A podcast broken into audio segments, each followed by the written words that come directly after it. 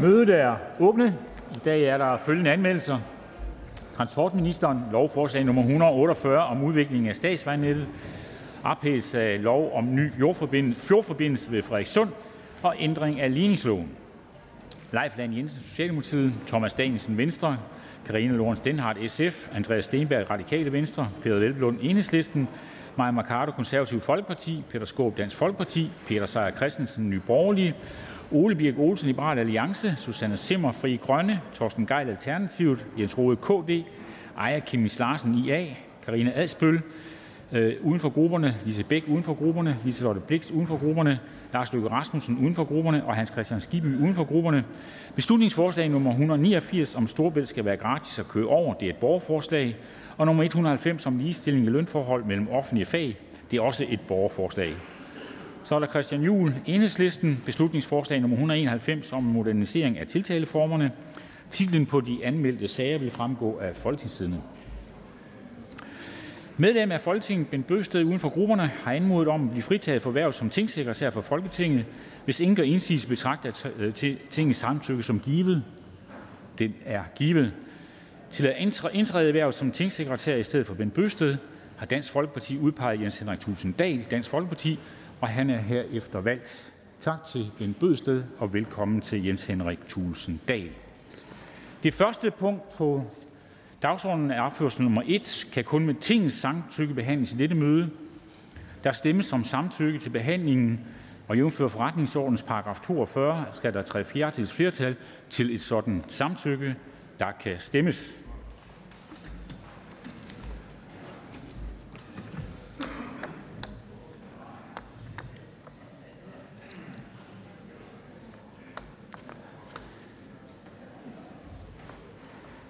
Afstemningen slutter. 103 for, ingen imod, ingen hverken for eller imod. Samtykket er givet, og det betyder, at vi nu kan gå i gang med behandlingen af lovforslag nummer L 145, forslag til lov om midlertidig opholdstilladelse til personer, der er fordrevet fra Ukraine af udlænding og integrationsministeren. Der er stillet ændringsforslag. Er der nogen, der ønsker at udtale sig? Jeg tror, at fru Rosa Lund gør. Karl Valentin. Værsgo til hr. Karl Valentin, SF. Ja, tak for det. Jamen, først og fremmest så vil jeg bare takke Folketingets partier for en, øh, en ganske fin behandling indtil videre. Jeg synes, det er, det er hæftigt at hastebehandle lovgivning, men det er også vigtigt, at vi handler resolut i den her meget voldsomme situation. Og Socialistisk Folkeparti støtter særloven, men vi har også nogle bekymringer i forhold til det, der ligger lige nu. Fire styks for at være mere præcis, og dem vil jeg gerne nævne her. For det første så frygter vi i SF, at man lokalt ikke har de fornødne ressourcer til en ordentlig flygtningemodtagelse. Og børns modtagelse er fuldstændig afgørende for, om de får en god eksistens i Danmark, og det er især vigtigt, hvis de kommer til at være her i mange år. Og i SF der har vi foreslået et særligt børnetilskud til kommunerne, der skal hjælpe med flygtningemodtagelsen. Det stiller vi også et ændringsforslag om, som jeg håber, at flere herinde vil overveje, om de ikke vil tilslutte sig i udvalgsbehandlingen. Regeringen den har ikke sådan klappet i hænderne indtil videre, men det er altså pebernødder, det her det koster. Og i det samlede, samlede billede er det ikke nogen særlig udgift. Til gengæld vil det gøre en rigtig stor forskel derude. Og derfor så håber jeg, at der er flere, der vil tilslutte sig det. Måske også nogle borgerlige partier kunne genoverveje deres position. Man skal ikke engang stemme for en eller anden øh, finansiering, som man ikke kan lide. Derudover så vil det være klogt, om regeringen brugte den her anledning til at overveje, om det virkelig er fornuftig politik at kanalisere så mange af de penge, som går fra udviklingsbestanden over i flygtningemodtagelse i Danmark. Det er jo altså nogle af de absolut mest fattigste mennesker i verden, som de her midler de går fra. Og vi havde debatten i går, og den er ikke ny, men jeg synes, i den her situation, der ville det give god mening at tænke sig ekstra grundigt om, inden at man kraftigt reducerer de midler, der går til udviklingsbistand ude i verden. Og derfor så stiller vi også et ændringsforslag fra SF og Radikale Venstre og Enhedslisten om at ændre det her. For det tredje så vil det være fornuftigt med en garanti for sagsbehandlingstiderne. Vi har jo desværre set både sådan generelt i asylsystemet og med andre særlove, hvordan vi kan love hinanden herinde på Christiansborg, at flygtninge skal sluses hurtigt ud i samfundet, kun for så derefter at se sagsbehandlingstiderne trække ud. Og loven den burde efter min bedste overbevisning indeholde et loft over sagsbehandlingstiden, som Folketinget giver garanti for, også økonomisk, så hvis systemet ikke overholder tiderne, jamen, så har man en mulighed for at bruge nogle ekstra ressourcer og få det forbrug dækket af os. For det fjerde og sidste så hører jeg flere kommunale røster, som er nervøse for, hvilken sundhedsdækning ukrainerne de vil have under sagsbehandlingstiden, fra de har søgt ophold, og så til de har fået det. Og mange ukrainere de er jo i dag indkvarteret, i, altså de er indkvarteret privat, eller de er indkvarteret, indkvarteret kommunalt, og vi må forvente, at de ansøger om opholdstilladelse fra deres nuværende adresse. Og flere af dem de har altså behov for sundhedsydelser, de flygter fra en krig, men jeg kan ikke se i lovforslaget, at der skulle være hjemmel til, at kommunerne kan afholde udgifterne til sundhedsydelserne for ukrainerne, før de har modtaget en opholdstilladelse. Og derfor så har jeg også bedt ministeren om at oplyse, hvordan kommunerne og ukrainerne er stillet i den periode, fra de kommer hertil og til de får ansøgt, og om det er hensigtsmæssigt, at ukrainerne ikke kan opholde sig det samme sted under ansøgningsprocessen og modtage de nødvendige sundhedsydelser der, i stedet for at være presset til at skulle indkvartere sig på et modtagscenter eller lignende. Det er jo meget rart, at man kan være hos venner eller familie, eller hvor man nu er taget hen, da man kom til Danmark, og man ikke skal være nødtvunget til at tage på et modtagscenter for at kunne få den behandling, som man har brug for. Det var de øh, bekymringer, jeg gerne lige ville øh, fremlægge, og så ser jeg frem til den videre udvalgsbehandling. Tak for ordet. Der er en kort bemærkning til hr. Christian Juhl. Nej, jeg vil gerne have ordet. Men det får man så som privatist. Så siger vi tak til ordføreren, og så går vi videre til fru Anne Sofie Kallesen, Radikale Venstre. Tak for det. Øhm, jeg vil øh, selvfølgelig kort øh, sige, at, at vi jo støtter op øh, om loven i går. Der har været en, en, en grundig behandling af den, og det er en rigtig, rigtig god lov. Så er der jo lige den del, der handler om finansieringen og hvor vi jo har et ændringsforslag sammen med, med Enhedslisten og SF. Øh, og det er jo så her, at man øh, i Folketinget skal beslutte sig for øh, i de forskellige partier, om man synes, at vi skal sende regningen for, at vi skal tage godt imod ukrainerne til verdens fattigste. Og det er der jo så måske, tegner det sig til, et politisk flertal for at gøre. Øh, og der vil jeg bare sige, at, øh, at regeringen og Socialdemokratiet har sådan tegnet et billede af, at det her det er en, øh, en praksis, der er ukontroversiel, fordi det er forekommet før. Og der må jeg bare sige, at det er så langt fra at være ukontroversielt at sende regningen til verdens fattigste, og at det skulle være ukontroversielt for et parti, som selv mener at gå op i international solidaritet, det har jeg ekstremt svært ved at forstå. Det, at man har mulighed for at opgøre udgifterne som udviklingsbistand, det kan så også diskuteres, om det er udviklingsorienteret at bruge det på asyludgifter. Det er jo ikke ens betydende med, at man ikke skal lægge til i rammen. Så der har man truffet et politisk valg i Socialdemokratiet, eller det vil jo vise sig, at I har mulighed for at ombestemme jer endnu, om at den her regning skal sendes til de mennesker i verden, der har allermindst. Og vil bare spørge en gang til, om I i Socialdemokratiet er helt sikre på, at det er det, I vil. Det var det i hvert fald ikke sidst, vi havde den her debat efter flygtningestrømmen i 15. Så hvad har egentlig ændret sig, siden at regningen for at tage godt imod flygtninge nu skal betales af dem, der har allermindst i verden? Tak for ordet. Kort bemærkning. Til hr. Rasmus Stoklund. Udenforstående kunne jo få det indtryk, at det er første gang, at man øh, bruger den her såkaldte DAC-mekanisme, hvor man registrerer omkostningerne på den måde. Øh, jeg vil blot høre, om ordføreren kan bekræfte, at sådan har man i Danmark gjort øh, siden 1992 under skiftende regeringer, og at det derfor ikke er sådan, som man måske kunne få indtryk af, hvis man læser nogle udtalelser, at det her er en praksis, der er opfundet i løbet af det sidste uges tid. Det er en praksis, der har fundet sted siden 1992. Kan ordføreren bekræfte det? Ordfører?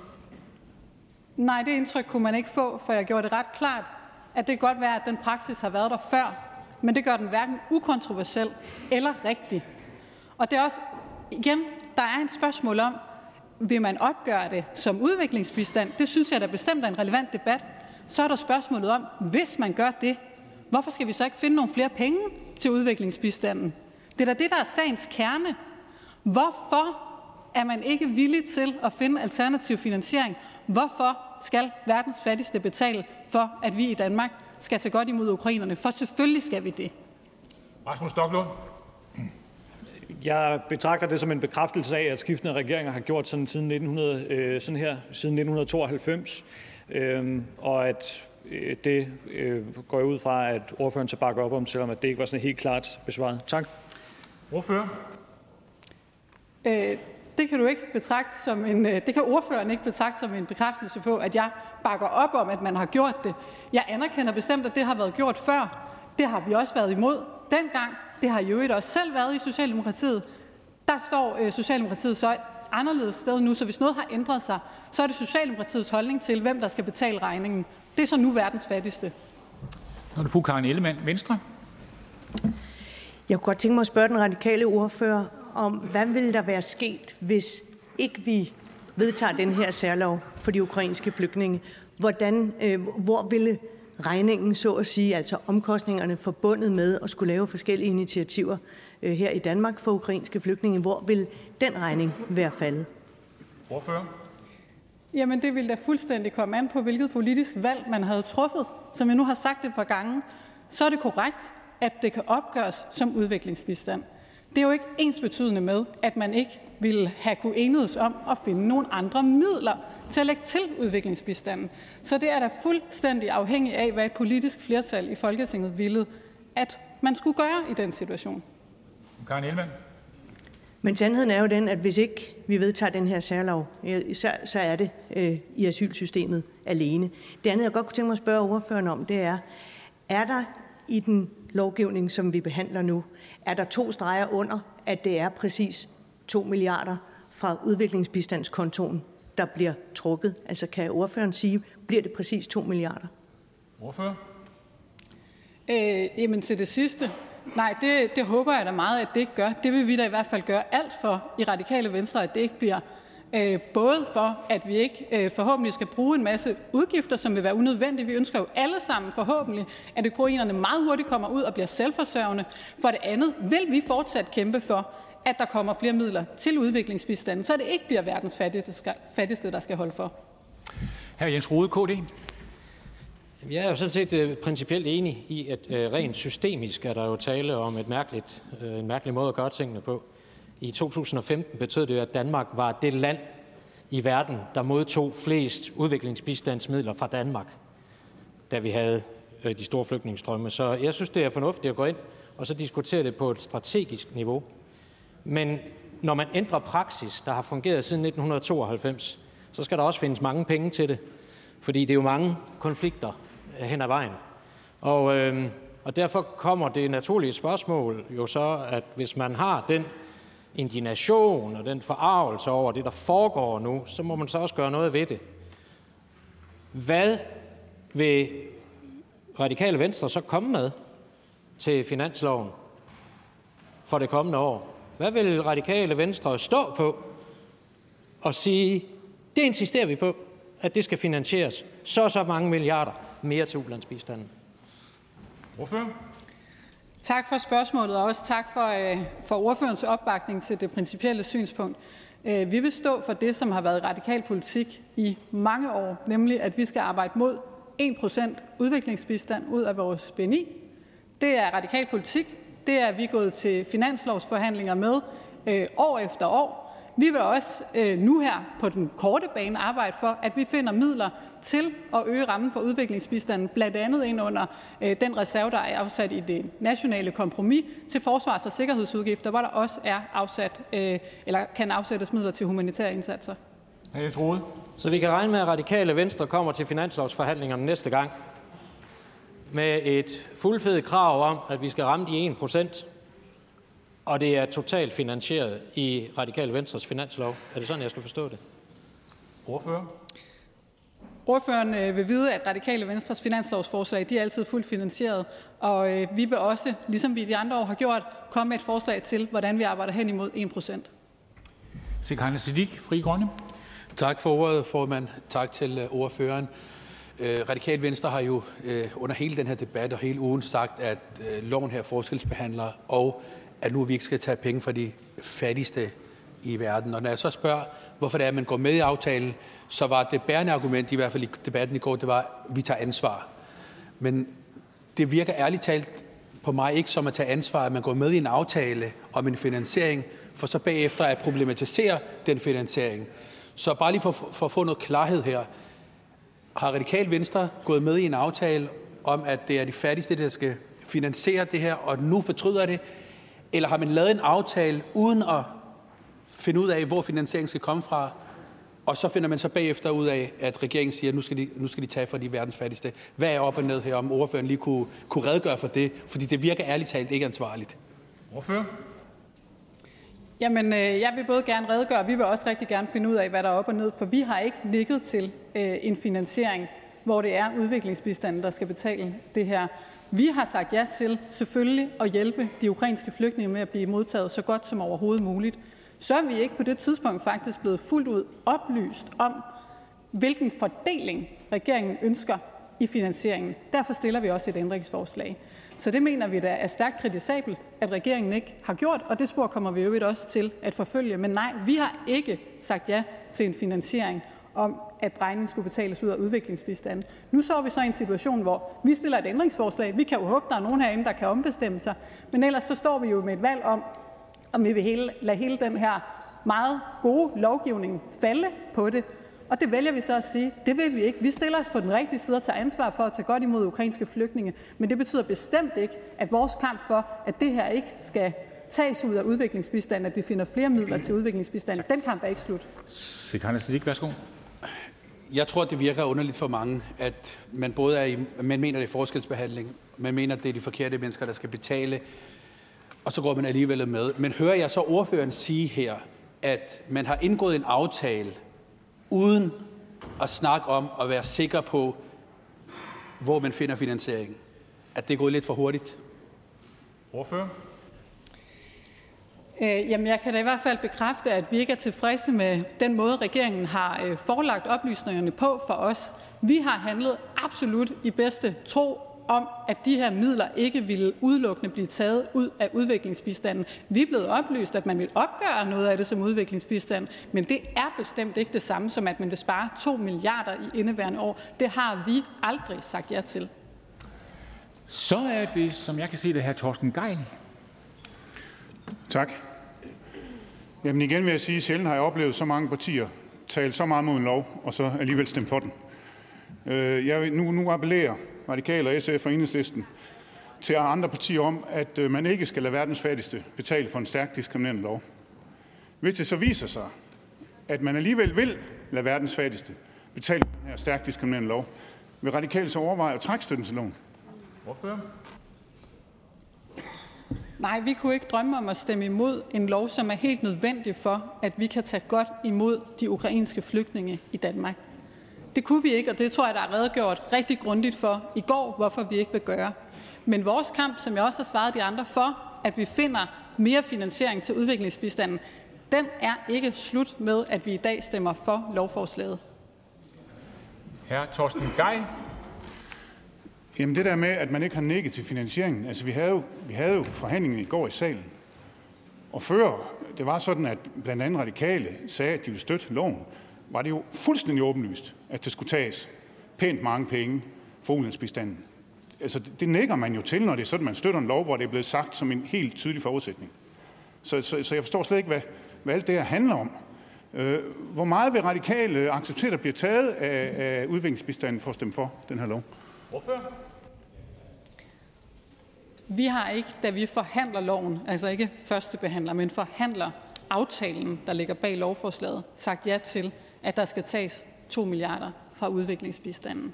Og vi kommer til at kæmpe for at ændre den fordeling. Derfor stiller vi et ændringsforslag, og derfor fortsætter vi med at kæmpe for at få flere midler til udviklingsbistanden. Så er det her Morten Messersmith, Dansk Folkeparti. Tak, formand. Nu skal jeg jo ikke på den måde prøve at gyde olie på vandet i det her smukke hundeslagsmål i rød blok, men jeg har måske en løsning på den radikale ordførers problem. Noget af det, der, eller det, der gør, at vi i Dansk Folkeparti jo ikke kan stemme for den her lov, men stemmer gult, det er jo, at det ikke kun handler om at hjælpe ukrainere. Øh, men at man også i paragraf 2, paragraf 2 øh, giver adgang til, at øh, afghanere, syrere osv., som befinder sig i Ukraine, og jo egentlig bare kunne tage til Polen eller Ungarn eller et af nabolandene, men at de nu også får hjemmel til at komme til Danmark.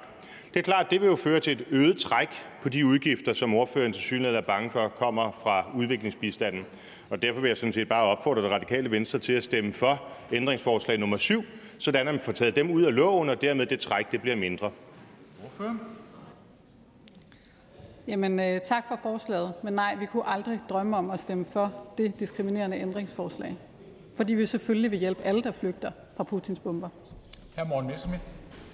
Men er det radikale venstres ordfører ikke opmærksom på, at de folk, vi taler om her, altså folk fra typisk de muslimske mellemøstlige lande, de har jo allerede lovlig øh, hjemmel til at være i Polen, Ungarn og alle andre EU-lande, der ikke måtte have et øh, retsforbehold. Øh, hvorfor er det partout, at de skal til Danmark? Altså en ting er, at vi skal hjælpe ukrainere. Det er vi jo alle 179 enige om. Men hvorfor skal Danmark også bruge anselige midler på at hjælpe øh, de her arabere i Danmark, når der er folk, kan jeg forstå på den politiske ordfører, som, øh, som mangler pengene i Afrika eller andre steder? Kunne vi ikke gøre mere gavn der, end at hjælpe dem på den måde? Ordfører. Det skal vi af præcis samme grund, som vi vil hjælpe ukrainerne, og det er fordi, det er mennesker. Uanset om de er araber eller ej. Tak til ordføreren. Ikke flere korte bemærkninger. Og det betyder, at nu går vi videre til fru Rosa Lund, Enhedslisten. Tak. Vi har i Enhedslisten stillet en del ændringsforslag til den her særlov. Det første ændringsforslag brugte vi lang tid på at diskutere i går. Det handler om målgruppen, altså hvem skal omfattes af den her særlov. Der mener vi i Enhedslisten, at vi skal lægge os så tæt på EU-direktivet som overhovedet muligt. Og derfor mener vi, at persongruppen at dem, der er omfattet af den her lov, bør udvides. Det har vi stillet ændringsforslag om. Men det, som vi også har stillet ændringsforslag om, sammen med SF og Radikale Venstre, det er finansieringen.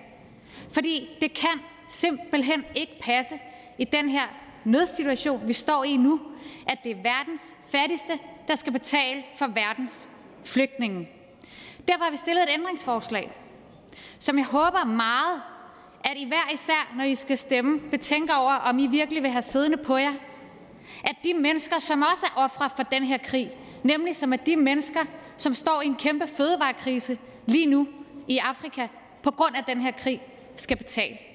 Det vi foreslår helt konkret, det er, at man tager 1,2 milliarder fra det nationale kompromis, og at man så yderligere tager 600 millioner fra coronakrigskassen og så de sidste 400 millioner lægger man så ind i DAC-systemet, præcis som vi har aftalt regeringen, SF, Radikale Venstre i finanslovsaftalen, og Alternativet også for den sags skyld. Undskyld, her Torsten Geil. Alternativet. Det stiller vi ændringsforslag om. Det synes vi er en meget mere fair finansiering af den her særlov. Og jeg må sige, at jeg simpelthen ikke kan forstå, at man i regeringen ikke vil være med til for det første at lave den her finansiering, for det andet som minimum at lade de partier, som står bag den her aftale, være med til at fordele den besparelse, der skal ligge. For det er klart, at i den situation, vi står i nu, er der noget ulandsbistand, som vi simpelthen ikke kan skære på. Derfor så mener jeg og enhedslisten, at det vil være det eneste rigtige at gøre. Og derfor så vil vi gerne have det her lovforslag tilbage i udvalg, så vi har mulighed for at diskutere de her ændringsforslag, og så vi har mulighed for at få nogle bedre svar fra regeringen. For det svar, vi har fået på de spørgsmål, vi har stillet indtil videre, om hvor pengene tages fra, er, at det kan man ikke svare på. Man kan simpelthen ikke svare på, hvor pengene tages fra. Og det kan vi ikke forstå i enhedslisten, og derfor så vil vi gerne have lovforslaget tilbage i udvalg, sådan så at ministeren endnu en gang får mulighed for at svare på vores spørgsmål, og så alle partier får mulighed for at tænke over, om det ikke var en bedre finansiering at tage pengene et andet sted fra. Tak. Der er kort bemærkninger, og jeg har noteret mig forslaget om at tage det tilbage til udvalget. Men først er det hr. Sikandar Siddiq, Fri Grønne. Tak til formanden. Tak til ordføreren. Vi havde en, en lang diskussion omkring øh, forslaget her, så det tænker jeg ikke, vi behøver i dag. Men det, jeg gerne vil spørge ordføreren om, det er, man har indgået en aftale, hvor finansieringen, altså enten er det regeringen, der har ført støttepartierne bag lyset, eller også er det støttepartierne, der ikke har spurgt ind til finansieringen. Der er i hvert fald gået et eller andet galt. Hvis det ender med, at ændringsforslagene ikke går igennem, det vil sige, man kommer ikke til at omfatte flere øh, i målgruppen, og at det ender med, at det er de fattigste, der så alligevel kommer til at betale de her 2,1 milliarder kroner for udviklingsbistanden. Øh, hvis enhedslisten så stadig støtte forslaget, fordi det blev ikke tydeligt i, øh, i indlægget, vil enhedslisten så stadig støtte forslaget, eller vil man så ikke støtte forslaget, hvis man ikke kan ændre finansieringen og udvide målgruppen? Jamen i enhedslisten, der vil vi ikke sige nej til at hjælpe mennesker på flugt fra Putins krig. Og derfor kommer vi til at støtte forslaget. Men det er ikke med vores gode vilje. Vi havde jo gerne set, at man gjorde det her på en anden måde. Og her Sikander Siddiq ved udmærket godt, at jeg i forhandlingerne spurgte ministeren, kommer der nye penge? Fordi selvfølgelig koster det noget, når Røde Kors, som driver vores asylcentre, skal have mange flere såkaldte kunder i butikken. Jeg spurgte om det. Jeg fik svar. Ja, selvfølgelig kommer der finansiering. Det ved hr. Sikander Siddiq udmærket godt, hvis han ellers hørte efter i forhandlingslokalet. Jeg synes, at øh, fru Rosa Lund er lidt skarp. Altså, I går havde vi hele den her diskussion om, øh, hvordan øh, fru Rosa Lund havde ført enhedslistens vælger bag lyset ved at sige, at man havde fået klare aftryk på aftalen. Men det var det, jeg startede med at sige. Lad den diskussion ligge. Jeg vil bare prøve at gentage mit spørgsmål igen. Er det regeringen, altså har enhedslisten indgået en aftale, hvor man ikke har spurgt ind til finansiering, så man har skrevet under på en aftale, yes, vi laver den aftale, eller er det regeringen, der har skjult finansiering, så har man indgået aftalen, og så har regeringen sagt bagefter, hov, vi betaler med udviklingsbistand. Ordfører, værsgo. Altså for det første synes jeg ikke, det er korrekt, at enhedslistens vælgere er blevet ført bag lyset. Det ved jeg simpelthen ikke, hvor hr. Sikander Siddiq har fra. Jeg synes nu, at enhedslisten er et af de partier herinde på Christiansborg, som har den mest klare udlændingepolitik. For det første. For det andet. Vi spurgte i forhandlingerne til finansiering. Jeg spurgte ordret, kommer der penge til den her særlov? Fordi selvfølgelig koster det penge, når der kommer flere asylansøgere. Jeg får svaret, ja, det gør der. I det udkast, vi får søndag aften, der er der en anden finansiering end i det udkast, som bliver sendt i høring mandag morgen. Og det er jo derfor, hr. Sikander Siddiq, vi stiller et ændringsforslag. Tak for det. Hr. Morten Messerschmidt, Dansk Folkeparti. Ja, selvfølgelig koster det penge at hjælpe folk, der er i nød. Øh, det er vi også i Dansk Folkeparti, når det kommer til ukrainerne, meget øh, indforstået med. Det, der jo bare er så underligt, det er, hvorfor Enhedslisten så har insisteret på at fastholde et lovforslag, der i paragraf 2 også muliggør, at syrer og araber og andre mellemøstlige folk, der i dag er i Ukraine, men som efter de regler, der gælder i resten af EU, bare kunne tage til Polen eller andre steder, de også skal kunne komme til Danmark, når vi ved, at det at hjælpe en flygtning i Danmark ja, det altså koster det samme, så hvis man hjælper 50 flygtninge i nærområderne. Altså, det, det, det strider jo fuldstændig med den logik, som fru Lund hun, øh, hun forsøger at repræsentere, at man vil gerne have nogle af de her arabere fra Ukraine til Danmark, men man vil så ikke bruge de penge, fordi de skulle bruges et andet sted. Altså, det strider jo i alle retninger. Hvorfor? Jeg må simpelthen sige til hr. Morten Messerschmidt, at det er ikke nogen naturlov, at udviklingsbistanden skal finansiere asylsystemet og omvendt. Det er ikke en naturlov, hr. Morten Messerschmidt. Og jeg synes faktisk, jeg ret klart heroppe fra talerstolen har peget på præcis en anden finansiering, som betyder, at det ikke er udviklingsbistanden, der skal finansiere asylsystemet. Og det synes jeg ville være dejligt, hvis hr. Morten Messerschmidt ville tage alvorligt under udvalgsbehandlingen. Hr. Morten Messerschmidt. Fru Lund må jo erkende, at der er et flertal imod hende, uanset hvordan hun vender det her. Derfor må det handle om, at så få penge bliver brugt på den her konto, sådan at fru Lund har så mange penge som muligt til alle sine udviklingsprojekter rundt omkring i verden. Og derfor er det jo bare paradoksalt, at hendes parti insisterer på, i det lovforslag, der er fremsat, paragraf 2, at folk, som ikke er ukrainere, men er syre, afghanere osv., skal kunne komme til Danmark og på den måde bruge flere af de penge, som fru Lunds venner i NGO-branchen gerne vil have brugt nede i udviklingslandene. Tak. Så får vi et svar. Værsgo, ordfører. Jamen, som hr. Morten Messerschmidt ved, så er fru Rosa Lund tit i mindretal inde i den her folketingssal. Men jeg vil dog sige til hr. Morten Messerschmidt, at det er præcis derfor, at vi i enhedslisten mener, at man skal sidde så kort tid på asylcenter som muligt, så udgiften bliver så lille som muligt. Det, vi ikke vil acceptere, hr. Morten Messerschmidt, det er, at mennesker, som flygter fra de samme bomber, ikke kan få den samme beskyttelse i Danmark. Så er det hr. Mogens Jensen, Socialdemokratiet. Ja, tak for det. Jeg vil gerne høre enhedslistens ordfører, om hun kan bekræfte, at vi jo faktisk i 2015 mellem regeringen på det derværende tidspunkt, enhedslisten, det radikale venstre og SF indgik en aftale om at Øh, tage 1,5 milliarder, så vidt jeg husker, af ulandsbistanden og bruge det øh, på de flygtninge, ekstra flygtningeudgifter, vi havde øh, på, på det tidspunkt. Øh, indgik enhedslisten i sådan en aftale? Ordfører? Ja, Enhedslisten indgik en sådan aftale, og det var også en del af den aftale, en meget vigtig del af den aftale, her Mogens Jensen, at Enhedslisten, SF og Radikal Venstre var med til at fordele den her besparelse, netop så vi kunne kigge på, hvad er det for nogle udviklingsprojekter, vi godt kan sætte på pause lige nu. Og det beder vi også om at få lov til at være med til i det her ændringsforslag. Og som jeg sagde i min tale, har vi meget svært ved at forstå, hvorfor regeringen ikke vil være med til at lave den samme aftale, som vi gjorde i 2015. Hr. Mogens Jensen. Jamen, så synes jeg, det kunne være interessant at høre, om enhedslisten så har nogle bud på, hvor det så er ud af ulandsbistanden, at man skal øh, finde de her 2 milliarder kroner, som vi skal bruge øh, nu og her til flygtninge i Ukraine. Har enhedslisten et bud på det? Jamen det er klart, det er ikke verdens sjoveste øvelse, men vi har jo lagt mærke til, at hr. Mathias Tesfaye, han har et projekt om at lave et modtagscenter i tredje land. Det projekt kunne vi jo for eksempel sætte på pause. Hr. Torsten Geil, Alternativet. Hvis nu man bruger 2 milliarder for udviklingsbistanden på det her lovforslag, så bliver Danmark ifølge alting i dag det land, der modtager allermest af vores, vores egen øh, ulandsbistand. Hvis det nu viser sig, at prisen for at få det her forslag igennem, er, at vi vil blive det land i verden, der modtager mest af vores egen ulandsbistand, vil enhedslisten så stadigvæk støtte forslaget? Jamen, vi støtter forslaget, fordi vi ikke vil sige nej til at hjælpe mennesker på flugt. Men jeg er fuldstændig enig med det, som jeg fornemmer, hr. Thorsten Geil spørger om, nemlig at den her måde, at asyludgifter og udviklingsbistanden hænger sammen på, er fuldstændig langt ude. Det giver ingen mening, at vi nu giver udviklingsbistand til os selv. Og jeg forstår ikke, hvorfor at vi skal implementere de her DAC-regler på den her ekstremt rigide måde, som vi gør. De, de er ikke nogen naturlov. Altså, hvis et flertal herinde ville lave dem om, implementere dem på en anden måde, så kunne vi gøre det. Og det mener vi i enhedslisten, at man skal. Der er ikke flere korte bemærkninger, så vi siger tak til ordføreren. Og jeg skal lige sikre mig, om der er flere ordfører, der ønsker ordet til denne debat. Det er der ikke. Så går vi til privatister. Først er det hr. Søren Ege Rasmussen, Enhedslisten.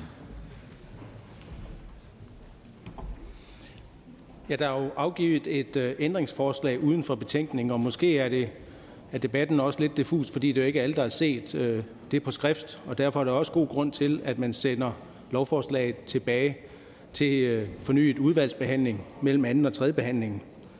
Og øh, det er jo så et ændringsforslag, som, som radikale SF og enhedslisten har stillet, som, øh, som så angiver en alternativ øh, finansiering. Så det er jo muligt. De her store beløb i DAC, øh, i DAC-systemet, jamen der var regeringsudspillet jo 300 millioner. Hvorfor er det så, at regeringen vil ende på noget, der er over 2 milliarder? Og der synes jeg, det er forfriskende, at hele det parlamentariske grundlag står sammen om en anden finansiering. Jeg vil så lige gøre opmærksom på, at hvis regeringen ikke synes om det, så er der sådan set knap 5 milliarder, som man kan finde et andet sted.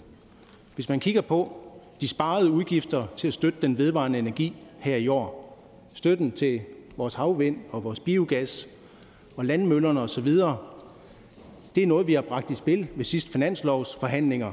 På daværende tidspunkt øh, så det ud til, at de sparede statslige udgifter i, i 2022 øh, vil være 2,7 milliarder. Jeg har så i forbindelse med nogle forhandlinger om varmesjek spurgt til, kan vi få et opdateret tal, og så fik vi et tal her den, i starten af, af marts måned, nej, starten af februar måned, at, at man nu forventede, at det var 4,9 milliarder, at statskassen sparer, fordi at energi, øh, øh, energipriserne er så høje. Så hvis man vil finde finansiering et andet sted, end at tage penge fra de fattigste, så er der sådan set en mulighed. Og det her med finansieringen, det er jo et politisk valg. Det kan godt være, at man har en lang tradition for at håndtere udgifter til flygtninge på en bestemt måde. Og nu er vi jo politikere, vi er jo ikke historieskrivere eller embedsmænd, vi er jo politikere. Vi kan jo tage et andet politisk valg, når vi vil finansiere hjælpen til Øh, de ukrainske flygtninge. Og det synes jeg, man skal. Jeg synes, det er et, et færre ændringsforslag, som hele det parlamentariske grundlag har, har fremlagt. Hvis regeringen ikke vil prioritere det, så siger jeg bare, jamen så er der penge andre steder. Og det er jo ikke bare et løst skøn, det her. Det er sådan set nogle penge, som statskassen sparer til den vedvarende energi. Derudover så er der jo så moms på energi, som jo er langt højere i øjeblikket på grund af de høje energipriser. Og der er jo så nogle af de fattigste, som så betaler deres, deres regning til gas, og så sparer nogle andre steder, så der kommer der ikke ekstra moms ind i statskassen. Men så er der jo alle de vellønnede, som, øh, som folketingsmedlemmer og deslige, der bare betaler sin regning til diesel og, og gas og olie og hvad det skulle være. Og der får statskassen jo nogle ekstra midler ind. Men det er jo lidt mere usikker regnestykke, øh, der er omkring den ekstra moms ind i statskassen.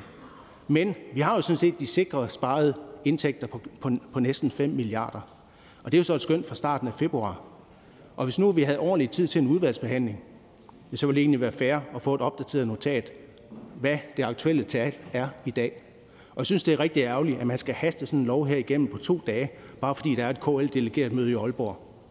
Skulle vi ikke lige give den her lovbehandling den tid, det tager, og at man svarer på de spørgsmål, der er stillet, og man får en seriøs behandling af alternative finansieringer? Det synes jeg vil klæde Folketinget. Det vi står overfor, det er jo sådan set, at vi har en udviklingsminister, Flemming Møller Mortensen, som står overfor at tømme de fattigste tallerkener i Sudan og Eritrea, samtidig med, at finansministeren han så kan stable pengene op i, i, i, i Finansministeriet på de sparede udgifter til den vedvarende energi. Der er altså en anden finansiering, og det er det, som jeg synes, at, at Folketinget skulle forholde sig til. Der ligger et konkret ændringsforslag, og hvis der er sådan der er en ordentlig udvalgsbehandling, så vil vi gerne bringe ind, at der kunne være andre finansieringer til det, som jeg synes, det vil være fair. Det er ikke fair, at de allerfattigste i Afrika, som skal betale for, at vi hjælper de ukrainske flygtninge. Hr. Morten Messerschmidt. Jeg må indrømme, at det er jo som om, at skældet falder fra ens øjne her, fordi jeg havde faktisk oprigtigt troet, at Enhedslisten var et parti, der mente det alvorligt, når man talte den sociale sag. Nu kan jeg forstå, at de øh, høje elregninger, som alle fra de rigeste til de mindst bemidlede i Danmark de betaler i øjeblikket, og som er det, der forårsager, at der ikke skal udbetales VE-støtte, det er dem, som Enhedslisten mener skal finansiere den indsats, man gerne vil over for, øh, for, øh, for flygtningene her. Det vil sige, hvor vi i Dansk Folkeparti siger nej, de penge skal da gå tilbage til, til, til borgerne. Øh, de folk, der i dag har investeret i en, øh, i en varmepumpe, men oplever, at det er blevet meget dyrere end ellers. Øh, de folk, der oplever, at energipriserne bliver lagt over på forbrugsvarerne, så det pludselig er, er dyrere at købe en, en medisterpølse eller en, en liter mælk, eller hvad den måtte være, eller benzin for den sags skyld, de skal have pengene her tilbage. Men nu kender vi enhedslisten igen. Det er flygtninge, det er de fremmede, det er alle de godgørende ude i NGO'erne, dem, der stemmer på enhedslisten, der åbenbart skal disponere over de penge. Sig det er virkelig en dag, hvor skældet falder for øjnene. Ordfører? Ja, jeg hørte ikke spørgsmålet, men jeg vil da gerne kommentere på det. Enhedslisten øh, forsøgte jo i forbindelse med forhandlingerne om varmesjekken at få hvad skal man sige, det beløb, der kommer tilbage til befolkningen, til at være større. På det tidspunkt øh, ved forhandlingernes start var det kun 2,7 milliarder, at starten, starten, staten sparede, og det endte så med en varmesjek, øh, som sender en milliard tilbage med en anden finansiering. Og derudover så opnåede vi så 250 millioner til en reel grøn omstilling af, af fjernvarmen, og det var jo rigtig godt. Så øhm, hvis ikke vi kan bruge pengene i den ene forhandling, så forsøger vi jo med den næste, og nu står vi så i dag med et lovforslag, hvor vi anviser, at der faktisk er knap 5 milliarder i sparede udgifter for staten, som kunne komme i spil med det her, i stedet for at tømme tallerkenen ved de allerfattigste i Afrika. Det er sådan set det, som jeg synes er dagsordenen her, og ikke sådan en karakteristik omkring, hvad enhedslisten gør og ikke gør. Vi har sådan set et bud på, hvordan en anden finansiering kunne være, og der er også et andet forslag, som det hele parlamentariske grundlag står bag, og det synes jeg også er et rigtig godt forslag. Hr. Morten Messerschmidt. Jeg synes faktisk, det der er interessant her, det er at høre, hvad enhedslisten gør og ikke gør. For det er jo fuldstændig rigtigt. Man lavede en aftale med sine røde venner om at sende en milliard tilbage. Men man havde sådan set muligheden for at sende 5 milliarder tilbage. Der var ikke et eneste borgerligt parti, der ikke var villig til at lave det flertal med enhedslisten. Kan ordføreren ikke bekræfte det? At grunden til, at de penge ikke kom tilbage til borgerne, det er præcis hr. Søren Egge og hans røde venner, der ikke havde mod til det, da det kom til stykket. Ordfører? Ja, nu synes jeg, at sagen i dag drejer sig om, øh, hvordan vi bedst hjælper de ukrainske flygtninge og kommer i mål med at finde finansiering, som ikke tager penge fra de allerfattigste i Afrika, som jo også bliver ramt af, af stigende øh, øh, priser på fødevarer. Der er en række afrikanske lande, som, hvor at, at hvede udgør en stor del af kosten, og den hvede bliver importeret fra Ukraine. Så de vil opleve, at de får stigende fødevarepriser, samtidig med, at der er noget bistand fra Danmark, som bliver markant skåret ned, hvis det er sådan, at vi ikke her i dag finder en anden finansiering. Ja, Torsten Geil. Hvis det er det, det handler om i dag, hvis det handler om, at enhedslisten ikke vil acceptere, at vi bruger 2 milliarder kroner fra ulandsbistanden, og dermed bliver det land, der modtager allermest af vores egen ulandsbistand. Hvis det er det, det handler om, vil enhedslisten så være i stand til at sætte foden ned, hvis det viser sig, at det bliver 2 milliarder kroner.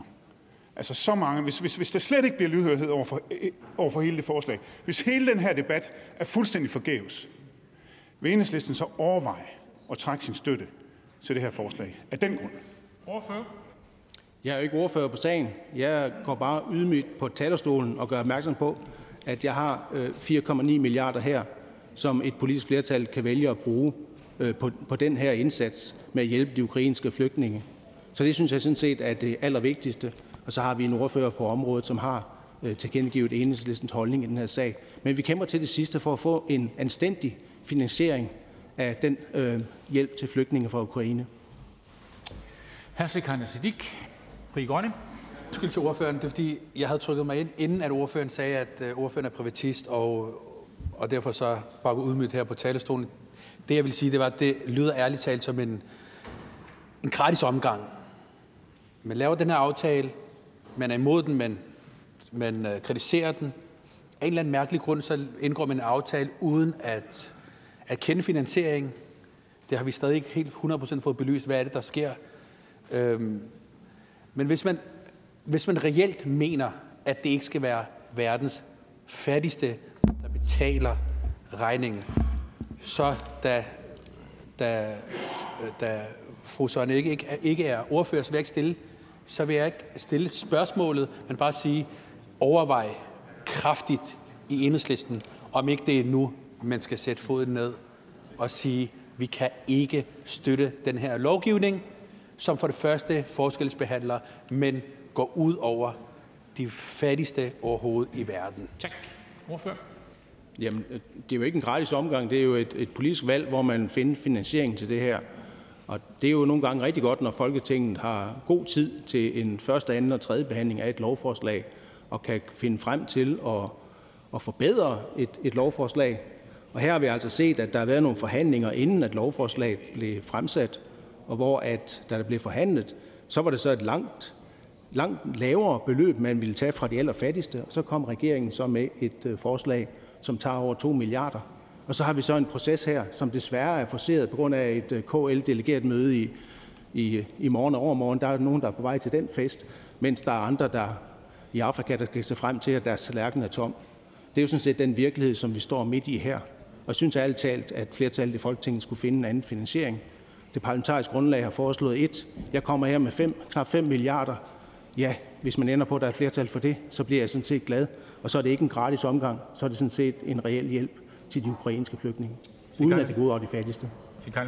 Men det var virkelig også meget udmygget, jeg appellerede til, at man skulle, at man skulle genoverveje det, fordi sandheden er jo bare, at hvis man stemmer for loven, så accepterer man jo også de facto, at det er de fattigste mennesker i verden, der skal betale for, at vi laver en lovgivning, som enhedslisten selv mener er forskelsbehandling og diskriminerende.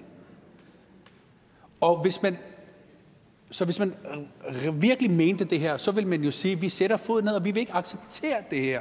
Som jeres støtteparti vil vi ikke acceptere det her. Og det er det, jeg appellerer til. Fordi ellers så kommer man jo til at acceptere det. Så får vi svar.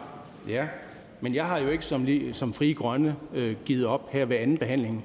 Jeg står sådan set og kæmper for at overtale et øh, flertal i Folketinget til at finde en anden finansiering til at hjælpe de ukrainske flygtninge på en måde, så man ikke tager penge fra de fattigste. Det er sådan set det, er sådan set det jeg går op som privatist og, og gør opmærksom på. Og, og hvis det er sådan, at man lander på, på det parlamentariske grundlags øh, ændringsforslag til finansiering, så er det også rigtig fint. Der er sådan set to alternative muligheder i forhold til det, regeringen har lagt frem. Tak til ordføreren. Øh, det er sådan, at øh, nu har hr. Morten Messerschmidt bedt om ord som ordfører, og derfor må privatister vente.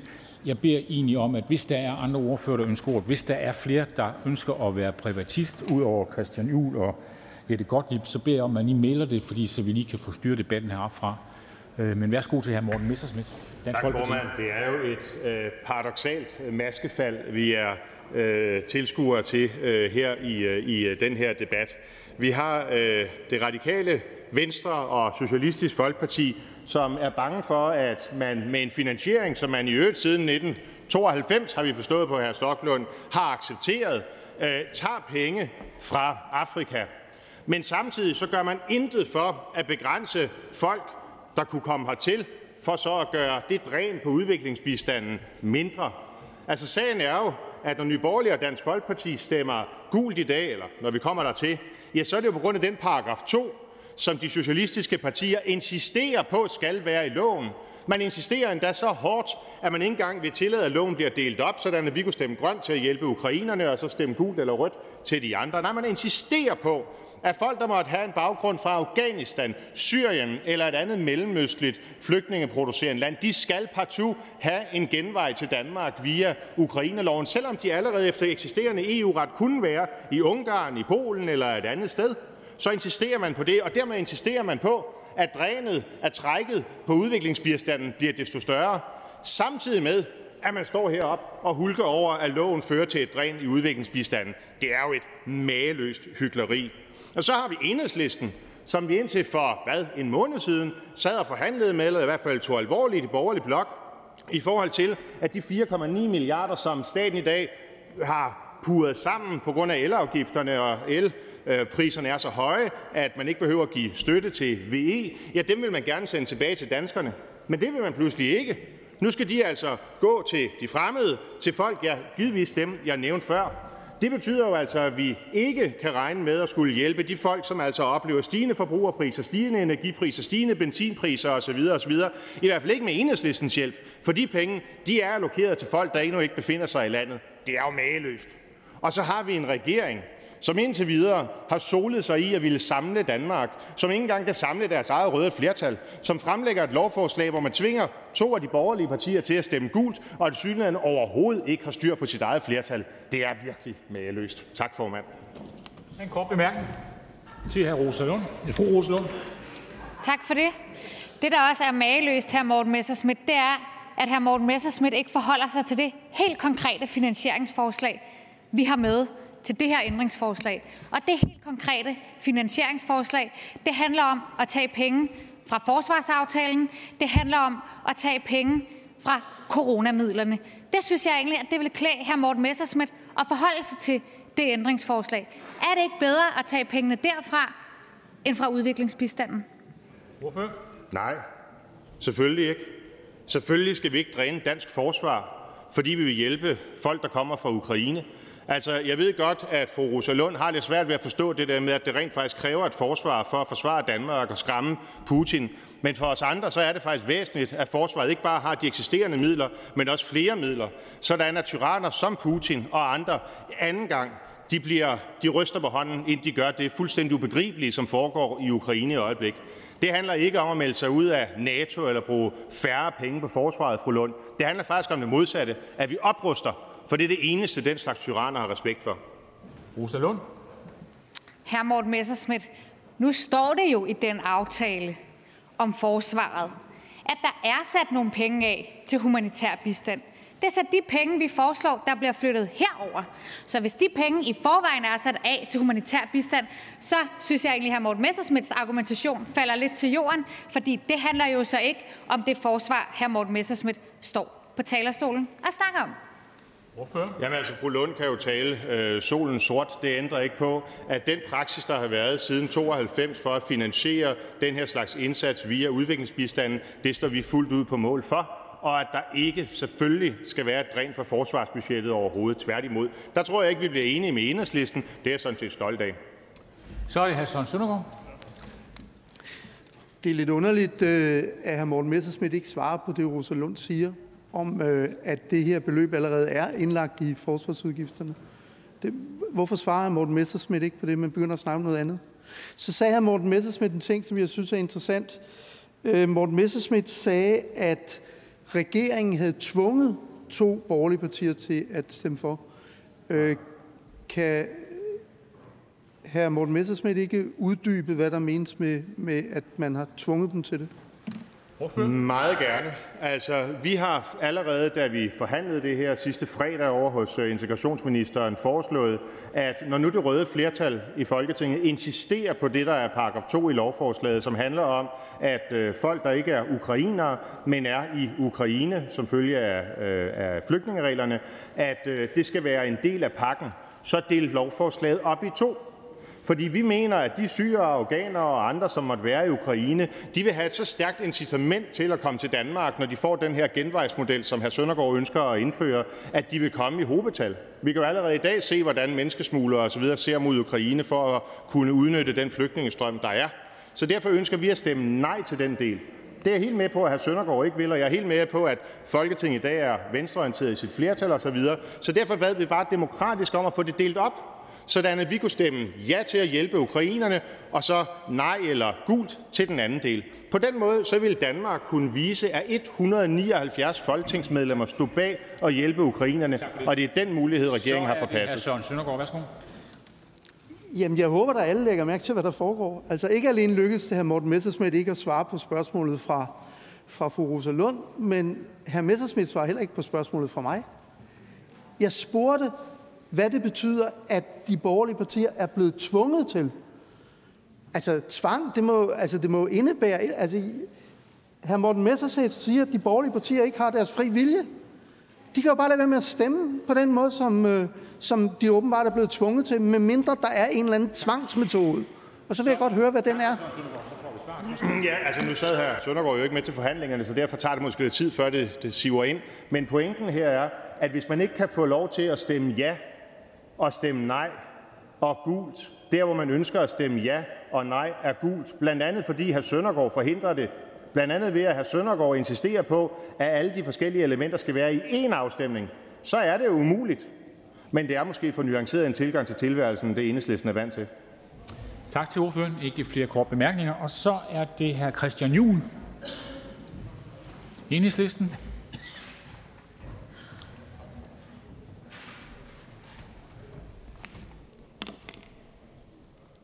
Det er vigtigt, at vi støtter ukrainske flygtninge, når øh, Putin på den øh, folkeretsstridige og brutale måde bomber deres land. Det er klart. Og vi ved jo ikke rigtig, hvor mange der kommer, og derfor er det også fornuftigt at gøre sig nogle overvejelser over, hvordan finansierer vi det her. Og mit forslag handler ikke om indholdet i forslaget. Det handler om den kyniske og umenneskelige finansiering, som regeringen har lagt på bordet. 2,1 milliard mindst tager vi fra udviklingsbistanden. Det vil sige, en 8. del af hele Danmarks udviklingsbistand tager vi væk. Det er i forvejen, øh, det er i forvejen lagt ind i, i finansloven, hvad de skulle have været brugt til, men dem tager vi ud, og det vil sige, så står der nogen tilbage og ikke får den hjælp, som vi har lovet dem. De påstår, at det er en automatik, sådan at det behøver vi slet ikke at diskutere politisk, fordi at det, det, det sker helt automatisk. Det er forkert. I 2015 var der store og lange forhandlinger, det har hr. Mogens Jensen jo lige bekræftet, om hvordan vi skulle finde nogle penge. Da pandemien rasede for kun to år siden, og det vil sige, at alle her i salen kan huske det, der var vi nødt til at jeg kan ikke lige koncentrere mig. Der er vi nødt til at finde nogle vi, millioner. Vi bliver nødt til lige at få dæmpet øh, snakken. Der er mulighed ude ved kaffemaskinen, hvis man skal snakke. Værsgo. Der var vi nødt til at finde et større million, antal millioner kroner og flytte dem i udviklingsbistanden. Og det vil sige, at det er ikke automatik, det her. Det er politik. Og jeg er dybt skuffet over, nu har jeg flere gange foreslået øh, udviklingsministeren, at jeg gerne vil være med til at kigge på, hvor kan vi finde nogle af de her penge i udviklingsbistanden, fordi det kan vi sikkert godt gøre. Vi kan i hvert fald afdæmpe skaderne, så det ikke er de fattigste og dem, der er mest udsat, som bliver ramt af det. Hvad siger han til det? Han siger, nej, Christian, det skal du slet ikke være med til. Det bestemmer jeg. Eller han siger det på en høflig måde. Han siger, det er mit prærogativ. Det er et fint ord, der betyder, at jeg alene bestemmer. Øh, det kunne vi da tidligere i 15, og det kunne vi med coronaen, men det kan vi altså ikke nu. Jeg vil sige, at Hvis et flertal fastholder den her kyniske finansieringsmodel, så er det i den grad urimeligt. De kunne jo, også de borgerlige partier, tage det fra det forlig om milliarder til militæret. Det kunne lade sig gøre. Så var der en smule anstændighed til at sige, så betaler vi selv af det, der skal gavne danskerne, hvis nu det også gavner danskerne. Dansk udviklingsbistand er på det laveste niveau i 40 år. Fra 1979 til 2019, der er det falden i procent af BNI, som vi regner med øh, det ud i. Det betyder også, at en hel masse udgifter, som ikke før var inde under udviklingsbistanden, nu er inde under udviklingsbistanden. Kommunernes udgifter til flygtninge for eksempel, erhvervstilskud, som er ren erhvervstilskud, det er inde under udviklingsbistanden. Det vil sige, at vi har ekstremt meget sparet på de penge, som er langsigtet og forebyggende udviklingsbistand, og som skal sørge for, at der bliver færre flygtninge i verden. Når vi fjerner nogle af dem, så alt andet lige vil der blive flere flygtninge, som vi så skal tage stilling til.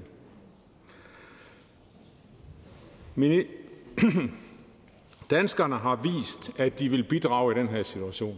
I, i sidste uge gav de 185 millioner til Danmarks, eller den her ikke Danmarks indsamling, til indsamlingen, som fjernsynet havde arrangeret. Et enormt flot beløb.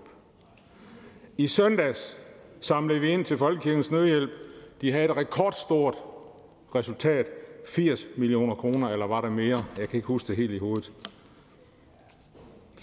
Mennesker, de giver tøj, de giver mad, de åbner deres døre, de kører sågar ned og henter nogle af flygtninge og siger, kom med os, vi skal nok sørge for jer. Jeg er sikker på, at danskerne også mener, at Folketinget skal bidrage i den her situation og ikke stjæle det fra de allerfattigste, som både sulter og flygter i Etiopien, Yemen og Mali.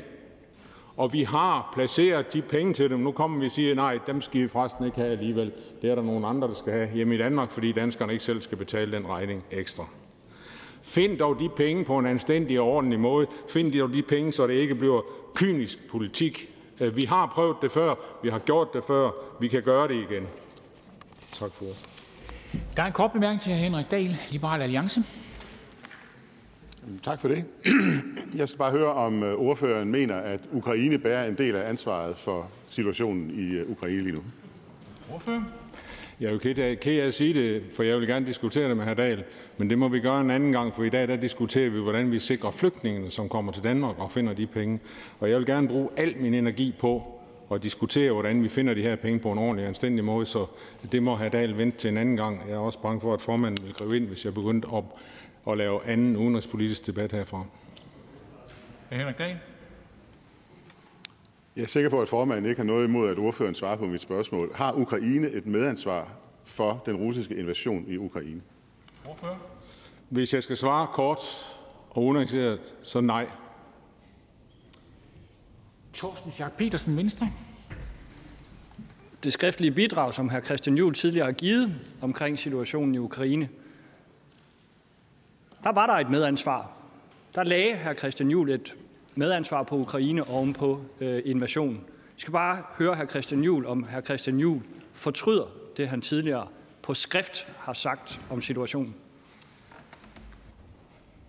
Jeg har aldrig givet øh, Ukraine et medansvar for den invasion, der er sket fra Ruslands side. Jeg har skrevet nogle artikler om, hvad hedder det, om mindretalspolitik i Ukraine længe før øh, Ruslands øh, invasion. Det er fuldstændig rigtigt. Dem diskuterer vi en gang ved lejlighed. Jeg har aldrig givet Ukraine ansvaret for den invasion, som Rusland laver. Det er alene Ruslands ansvar. Thorsten Schack Petersen. Jeg tror, der er flere, der har læst de artikler med et lidt andet perspektiv. Der findes medlemmer af enhedslistens hovedbestyrelse, der mener, at ukrainerne har et medansvar. Hvad mener hr. Christian Juhl om de udtalelser? Jamen, hvor, hvor er, vi, vi er ved en dagsorden, som nu handler om penge til flygtninge fra Ukraine. Skal vi ikke prøve at koncentrere os om det? Jeg tror, det her ligger noget på kanten af den dagsorden, vi har i dag. Og det er jo selvfølgelig altid en, en, en afvejning. Det er jo Ukraines spørgsmål i det hele taget, øh, vi, vi diskuterer, Christian Juhl. Jeg forstår godt, øh, at det er på kanten, men, men det er jo et bredere øh, dagsorden som kun økonomi her. Så er det her Martin. Det er Morten Dalin. Værsgo. Tak for det, øh, formand. Øh, Nødtvunget kom ordføreren så frem til, hvis han skulle svare kort på, om det var Ukraines ansvar, så vil han sige nej. Nu vil jeg gerne give ordføreren øh, mulighed for at svare lidt længere, fordi ordføreren har jo faktisk forholdt sig til det her. I Jyllandsposten der siger ordføreren, og nu citerer jeg, den her del startede i 2014 med, at man, og man det Ukraine, ikke havde en særlig hensigtsmæssig mindretalspolitik. Og jeg kunne bare godt tænke mig at vide, om det udtalelser, som ordføreren og enhedslisten står ved, altså at den her del af konflikten, krigen mellem Rusland og Ukraine, den startede med, at Ukraine ikke havde en særlig hensigtsmæssig mindretalspolitik. Er det virkelig noget, ordføreren mener? Ordfører? Ukraine har haft en ikke særlig hensigtsmæssig øh, mindretalspolitik, men det har intet med invasionen at gøre. Invasionen har alene Putin ansvaret for. Det er en angrebskrig, en folkeretsstridig krig, som vi er nødt til at sige, stop den krig, træk dig tilbage, det her det er ganske uacceptabelt. Og så må vi vise maksimal solidaritet med Ukraine, blandt andet ved at sikre, at flygtninge kan komme til Danmark, og der skal vi i dag have fundet ud af en ordentlig finansiering af det spørgsmål. Mondali. Nu gentager hr. Christian Juhl så, at Ukraine har ført en ikke hensigtsmæssig politik. Det har hr. Christian Juhl sagt flere gange før, og har også brugt udtrykket, at derfor kunne russerne fiske i rørte vande. Og derfor skal jeg bare endnu en gang have hr. Christian Juhl til at slå fast, hvad han og enhedslistens holdning er til det her spørgsmål. Mener hr. Christian Juhl, at den såkaldte uhensigtsmæssige mindretalspolitik fra ukrainsk side har nogen som helst, altså nogen som helst betydning for, at det er okay for Rusland at invadere Ukraine? Så får vi svar. Værsgo, ordfører. Nej. Så er det Morten Messerschmidt, Dansk Folkeparti. Jeg blev bare også inspireret af det svar, som øh, hr. Dahl øh, fik fra, fra ordføreren. Øh, og jeg lover, at det her det bliver første gang, jeg, jeg beder at udfritte ordføreren på den her måde. Men, men når han siger til hr. Dahl, at skal jeg svare kort, så er svaret nej, så vil jeg gerne bede ordføreren om at svare langt. Ordfører? Jamen, det vil jeg gerne gøre. Jeg vil opfordre hr. Messerschmidt, jeg ved, han læser meget, og læse min artikel i Ræson, som jeg skrev længe før, at Putin gik ind i hvad hedder det, i øh, Ukraine, og der prøver jeg at skrive noget omkring mindretalspolitik i Ukraine, og den er tilgængelig på nettet, så jeg vil gerne opfordre til, at man læser det, så får man nuancerne med. Hr. Messerschmidt? Jo. Der er ikke flere. Så er du nødt til at håndtere det på den måde, Christian. Jeg er nødt til at håndtere det på den måde. Så er der ingen ordfører, der har bedt om ordet. Øh, altså, så, undskyld, Jette. Så øh, nej, fordi vi har en... Det er ordførende først. Værsgo, hr. Jens Rode, KD. Ja, sådan er det. tak for det. Jeg har bedt om ordet, fordi øh, dels synes jeg, det stikker lidt af. Øh, det skal jeg så ikke komme til dom over, men jeg havde ikke lejligheden til at redegøre for øh, KD's øh, synspunkter om den her aftale i går, da jeg i øjeblikket er i gang med sådan en skoleturné, hvor jeg prøver at forklare børnene, at de skal ikke være bange for, at der kommer krig her i landet. Øh, øh, og derfor var jeg her ikke øh, i går. Så jeg vil gerne lige øh, ganske kort øh, sige, at øh, der var engang en fremragende finansminister i Danmark, der hed Thor Petersen fra Venstre. Og han havde sådan et godt synspunkt, nemlig at i politik må man vedstå sig arv og gæld, ellers så hører alting op. Og sådan er det jo også, når man indgår aftaler i Folketinget. Og der har jeg det personligt sådan, at det ikke er regeringens opgaver at flyve stigte duer ind i munden på os som folketingsmedlemmer. Vi må selv spørge til tingene, når vi indgår aftalerne, for at finde ud af, hvad der er op og ned, også på finansieringen. Og når man så har indgået en aftale, så øh, har vi selvfølgelig indgået en aftale, og det vil gerne meddele regeringen, at vi står øh, på mål for vores øh, del af den aftale, som vi har sagt ja til. Det ændrer ikke på, at jeg fuldstændig principielt deler enhedslisten og radikale venstre synspunkt om, at det er absurd, at vi finansierer øh, flygtningestrømmen til Danmark med ulandsbistand.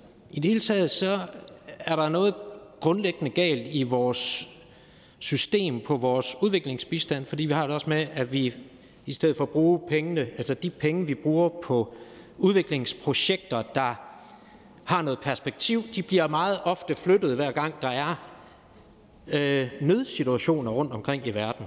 Så udviklingsprojekter taber hver eneste gang. Udviklingsprojekter, der skulle give varige forbedringer, taber hver eneste gang der er en nødsituation i verden, fordi pengene bliver flyttet. Det er ikke særlig fornuftigt, og det er heller ikke særlig sympatisk. Men det er man jo nødt til at adressere ikke i sådan en ad hoc-aftale. Det må man adressere i de diskussioner, der er om, hvordan vi generelt bruger og prioriterer vores udviklingsbistandsmidler. Og jeg vil sådan set gerne, og har mest lyst til jo at stemme for enhedslisten og radikales forslag om, at den finansiering skal ændres. Men problemet ved at gøre det, er jo, at det ikke bare handler om de 2 milliarder så. Altså, så er jeg nødt til at påtage mig ansvaret for at finde finansieringen til, at vi laver en systemisk ændring, fordi det vil danne præcedens fremover. Og hvis det er det, vi vil, så skal vi være ærlige om det, og så skal vi være villige til at finde den finansiering, det kræver. Fordi så vil det altid være sådan, at vi har afskåret os fra at bruge udviklingsbistandsmidler til flygtninge. Ellers giver det her ikke mening. Det kan jo ikke kun være for ukrainere, at vi gør det. Og derfor er det ikke muligt for os, fordi jeg har simpelthen ikke alle de milliarder i hænderne, til at lave en systemisk ændring af systemet. Derfor er det ikke en mulighed for os at gå ind og støtte de ændringsforslag, der ligger om finansieringen, uagtet at de sådan set giver meget god mening og er sympatiske. Men vi er nødt til at adressere den problemstilling et andet sted.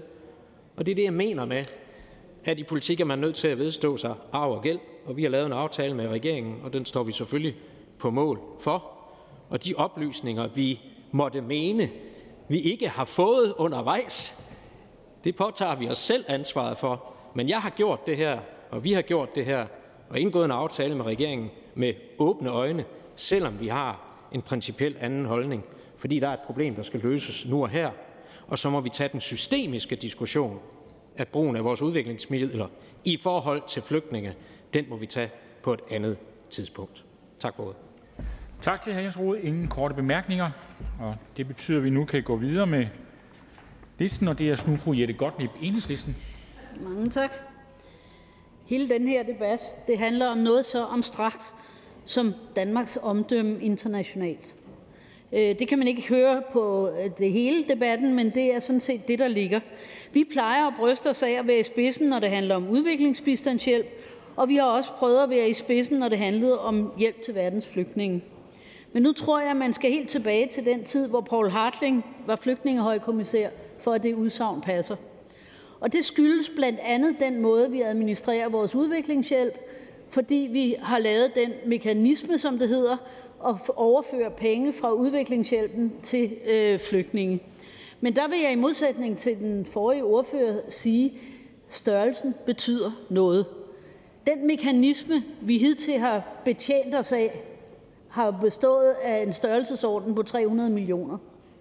Det, der sker nu, det er, at man syvdobler det beløb, som man tager fra udviklingshjælpen. Og ikke nok med, at man gør det. Man gør det i et finansår, midt i et finansår, hvor pengene er disponeret. Så tager man pengene ud. Det vil sige, at vi skal meddele projekter, at de må lukke. Vi skal meddele øh, organisationer, at de ikke kan få den støtte, som man engang har bevilget, som man engang har lovet væk. Det er det, vi sætter os for, hvis man fortsætter med den finansiering. Jeg har et fuldstændig naivt håb. Det er, når det her forslag nu går tilbage i udvalgsbehandlingen – vi er trods alt kun ved anden behandling – når det her forslag nu går tilbage i udvalgsbehandlingen, så har jeg det naive håb, at alle, der sidder her, sender deres ordfører ind i en debat, der handler om, når der er alternativer, skal vi så ikke finde dem. For det omdømme, som vi nu får, når vi reducerer den danske ulandsbistand så voldsomt, som vi kommer til at gøre i det her år, så mister vi virkelig omdømme internationalt. Tak til ordføreren. Ingen korte bemærkninger. Og jeg har ikke der har flere, der har bedt om ordet. Og nu sikrer jeg mig, at der ikke er flere, der beder om ordet, for så er vi nemlig færdige med debatten, og så skal vi til afstemning lige om lidt. Men da der har været af på så lang tid, så er der nogen, der måske sidder ude på kontorene, så vi venter lige øh, fem minutter, men, men øh, dem, der måtte høre på det, så vil sige, der bliver stemt om nogle ganske få minutter her i salen.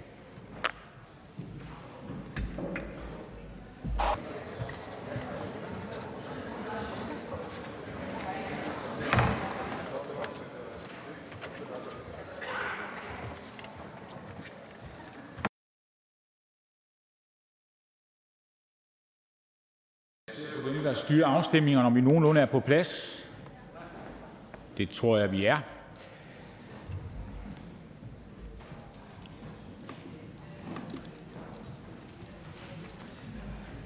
Så går vi i gang med afstemningen. Der stemmes om ændringsforslag nummer 1 af et mindretal Konservative Folkeparti om, at lovforslaget deles i to lovforslag. Der kan stemmes.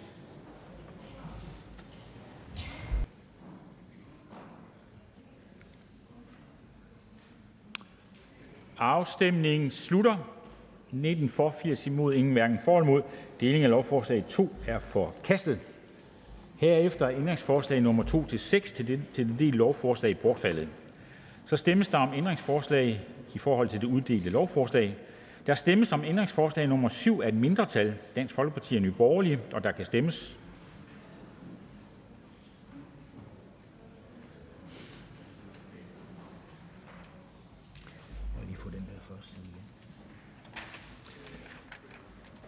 Afstemningen slutter. 19 for, 83 imod, ingen hverken for eller imod. Det er forkastet. Herefter er ændringsforslag nummer 8 og 10, stillet af samme mindretal, bortfaldet. Der stemmes om ændringsforslag nummer 9 af et mindretal Enhedslisten, tiltrådt af et mindretal SF og Radikale Venstre, og der kan stemmes.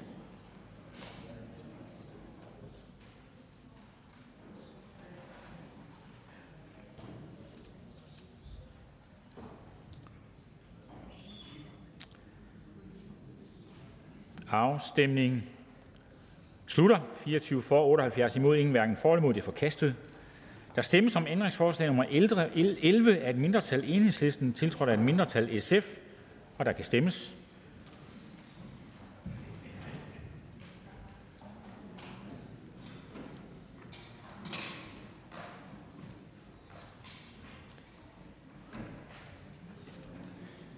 Afstemningen slutter. 17 for, 86 imod, ingen hverken for eller imod. Det er forkastet. Der stemmes om ændringsforslag nummer 12 af et mindretal SF, tiltrådt af et mindretal Radikale Venstre og Enhedslisten, og der kan stemmes. Afstemningen slutter. 24 for, 77 imod, ingen hverken for eller imod. Det er forkastet. Der er, som der har fremgået debatten, ønske om, at lovforslaget skal tilbage i udvalgsarbejdet. Og det betyder også, at dagen her så bliver lidt øh, anderledes, fordi øh, jeg kan jo ikke forudse, hvornår udvalgsarbejdet er færdigt. Men vi vil nu holde en kort pause på 15 minutter, og så vil vi jo gå i gang med, med, med, med dagsordenen med spørgetid til statsministeren. Og når udvalget er færdigt, så vil jeg sørge for at få en afbrydelse i de forhandlinger, vi er i gang med på en fornuftig måde, så vi kan få stemt om L 145. Så hold øje med A'et. Jeg kan ikke være præcis på, hvornår udvalgsarbejdet er færdigt. Vi holder en kort pause på 15 minutter.